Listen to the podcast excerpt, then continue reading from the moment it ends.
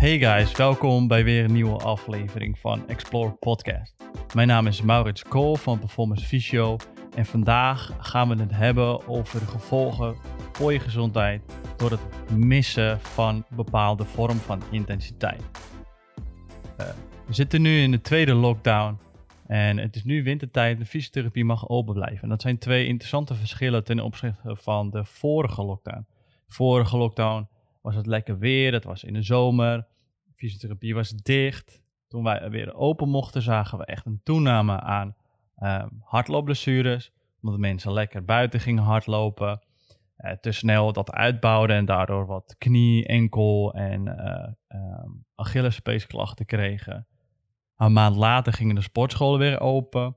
Zagen we daardoor weer wat uh, overbelastingsblessures, omdat mensen te snel weer gingen uitbouwen met de trainingen. Maar daar kwam het allemaal, eh, die blessures kwamen allemaal uh, door het sporten. En dat was, ja, het is natuurlijk jammer dat je een overbelastingsblessure hebt gecreëerd. Maar um, ja, je was tenminste weer aan het sporten. Nu is het wintertijd en de fysiotherapie is open. Um, maar we zien nou eigenlijk al voor, voor deze lockdown zien we een toename aan uh, stressklachten. Dus uh, nek, arm, schouderklachten, onderrugklachten, heupklachten. En dat heeft te maken één met de wintertijd. Dat heeft ook te maken met het feit dat je nu uh, dat mensen vaak wat minder gemotiveerd zijn in deze periode om te gaan sporten. Vooral omdat bijvoorbeeld in de sportscholen heb je nu tijdsblokken en mensen kunnen niet meer op een normale tijden gaan trainen. En zitten niet meer in die vaste termijn van wanneer ze normaal kunnen sporten. En daardoor gaan ze ook minder sporten. En nu zitten we in een lockdown. Het is inmiddels volgens mij alweer week drie. Volgens mij gaan we week vier van de lockdown gaan we nu in. En ja, we zien eigenlijk nu echt een toename aan stressklachten. Um, maar met name stressklachten door het missen van een bepaalde stress. Dat klinkt misschien raar, maar daar gaan we vandaag even wat, wat dieper op in. En om dit te snappen, uh, leg ik je heel kort uit hoe je brein functioneert onder stress en waarom een bepaalde vorm van stress nodig is uh, om gezond te zijn. Wij hebben een deel in ons brein, dat heet ons autonome zenuwstelsel. En deze autonome zenuwstelsel zoals het naam al eigenlijk zegt, zorg voor alles automatische aansturing. Dus jij hoeft niet bewust na te denken over je ademhaling. Je hoeft niet bewust na te denken, hartslag, hartslag, hartslag, hartslag, hartslag. Gelukkig niet. Dat gaat allemaal automatisch. En ja, je hebt soms een hogere hartslag, je hebt soms een lagere hartslag. Soms ben je voeding aan het verteren en ben je super relaxed. En soms ben je arbeid aan het leveren en uh, is je ademhaling hartstikke hoog en je bloeddruk is hartstikke hoog. Uh, jouw autonome zenuwstelsel die doet dat op uh, een bepaalde manier. Je hebt namelijk twee delen van je autonome zenuwstelsel. Je parasympathisch zenuwstelsel en je orthosympathisch zenuwstelsel. En heel erg simpel gezegd is de parasympathisch zenuwstelsel stuurt eigenlijk je organen allemaal aan, jouw lichaam aan tot herstel. Tot rust, ontspanning het heet ook je rest and digest staat. Dus als je in die staat bent, ben je ontspannen, ben je juist bezig met je herstelactiviteiten. Je orthosympathisch zenuwstelsel is juist je actiestaat. Je fight or flight uh, herstel of je fight en je flight staten zitten ook in je orthosympathische staat. Het is niet een aan- of uit lichtschakelaar, het is meer een beetje een dimschakelaar. Dus je kan nu, terwijl je deze podcast luistert, als je nu op de bank bijvoorbeeld zit, je zit in de auto, ben je aan het rijden, ben je net genoeg in je orthosympathische staat om te focussen, eh, wat op te nemen en te luisteren en te verwerken. Eh, je zit net genoeg in je orthosympathische staat, omdat je niet zo veel energie nodig hebt voor wat je nu aan het doen bent. Eigenlijk is het de lichaamsmanier om jouw energiebehoeften en energieuitgaven te reguleren. Dat doet hij op een hele slimme manier. En voor jou om een bepaalde staat te zijn, heb je bepaalde voorwaarden om in een bepaalde staat te zijn. En de voorwaarde om in een rest and digest staat te zijn, of je parasympathisch staat, is veiligheid. Als je veilig bent en je lichaam registreert veiligheid, dan, ben je, dan kan je in die staat komen. Als jouw lichaam bedreiging registreert, dan ben jij in een vecht- en vluchtstaat. Dus je bent um, in een mobilisatie staat.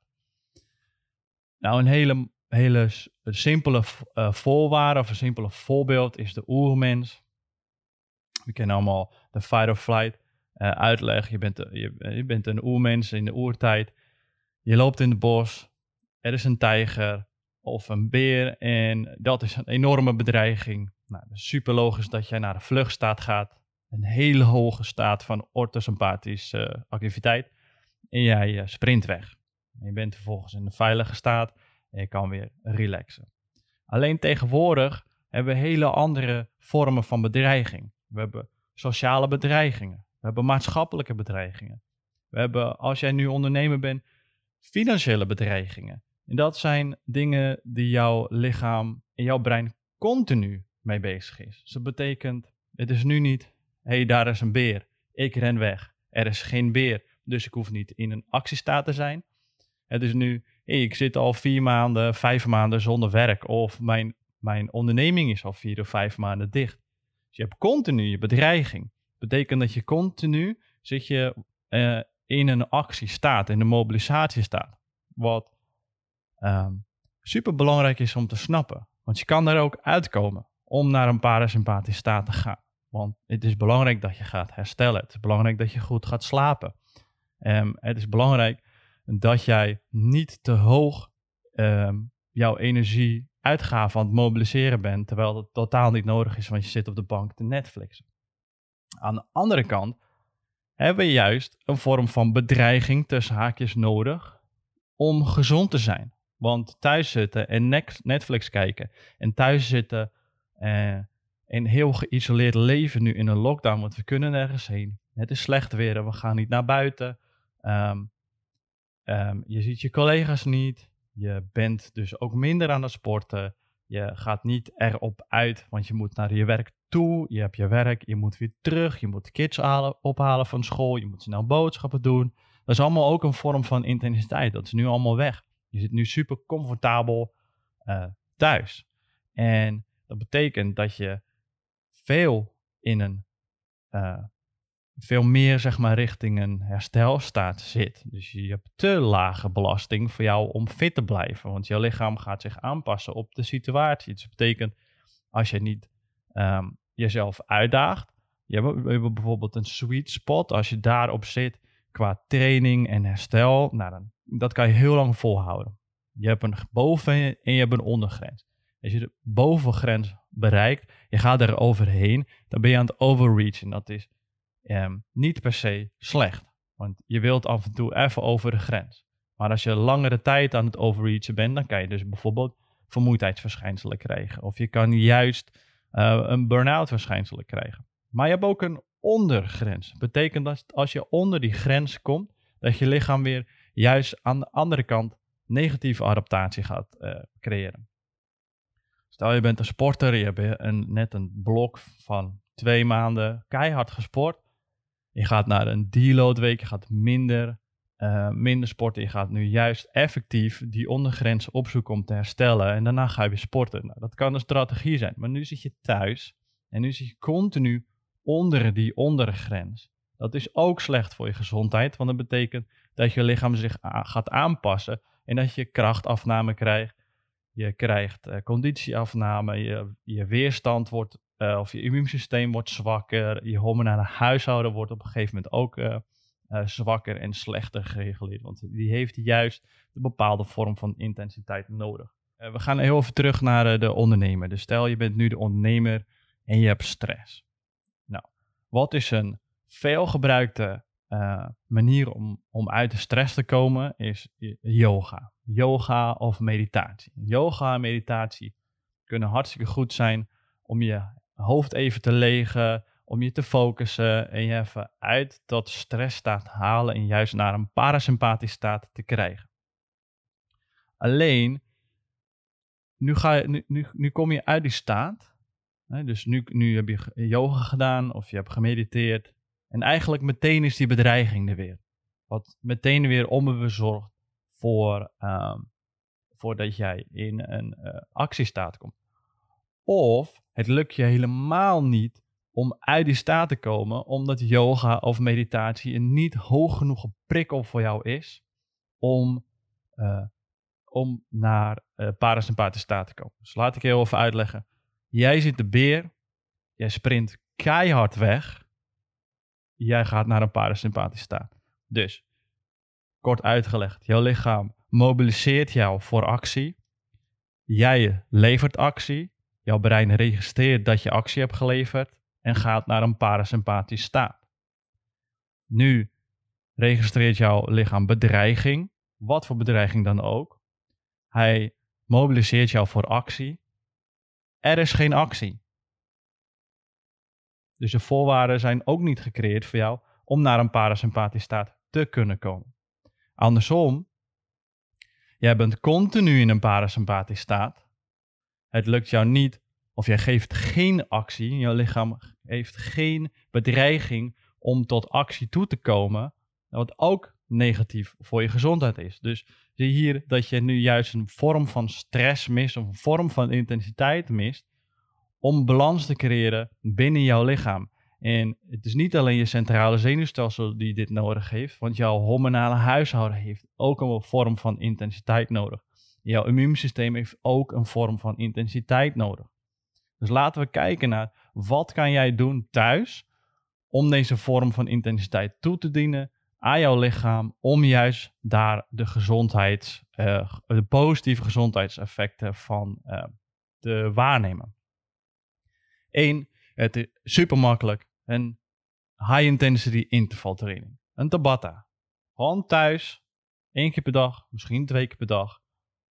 Vier minuten is dat. Het is 20 seconden. Keihard gaan. 10 seconden rust. En dat acht keer. Je kiest een squat. Je gaat 20 seconden. Ga je squatten. Je hebt 10 seconden rust. Je gaat 20 seconden squatten. Je hebt 10 seconden rust.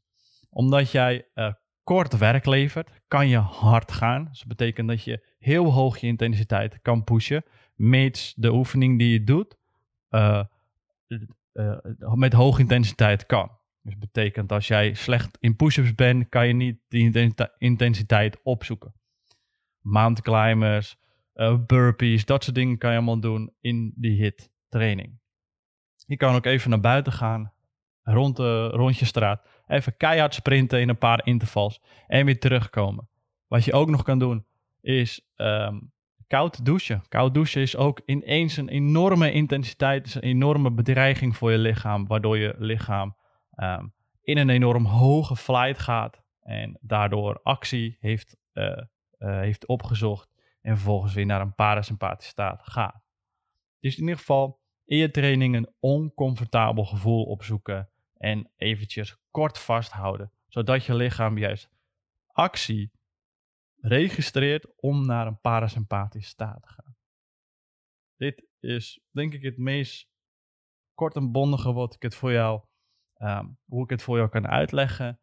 En het meest makkelijke tips die ik je kan geven. Maar ben ik wel heel erg benieuwd, als jij thuis een fysio bent, of je bent een trainer, of je bent juist een sporter.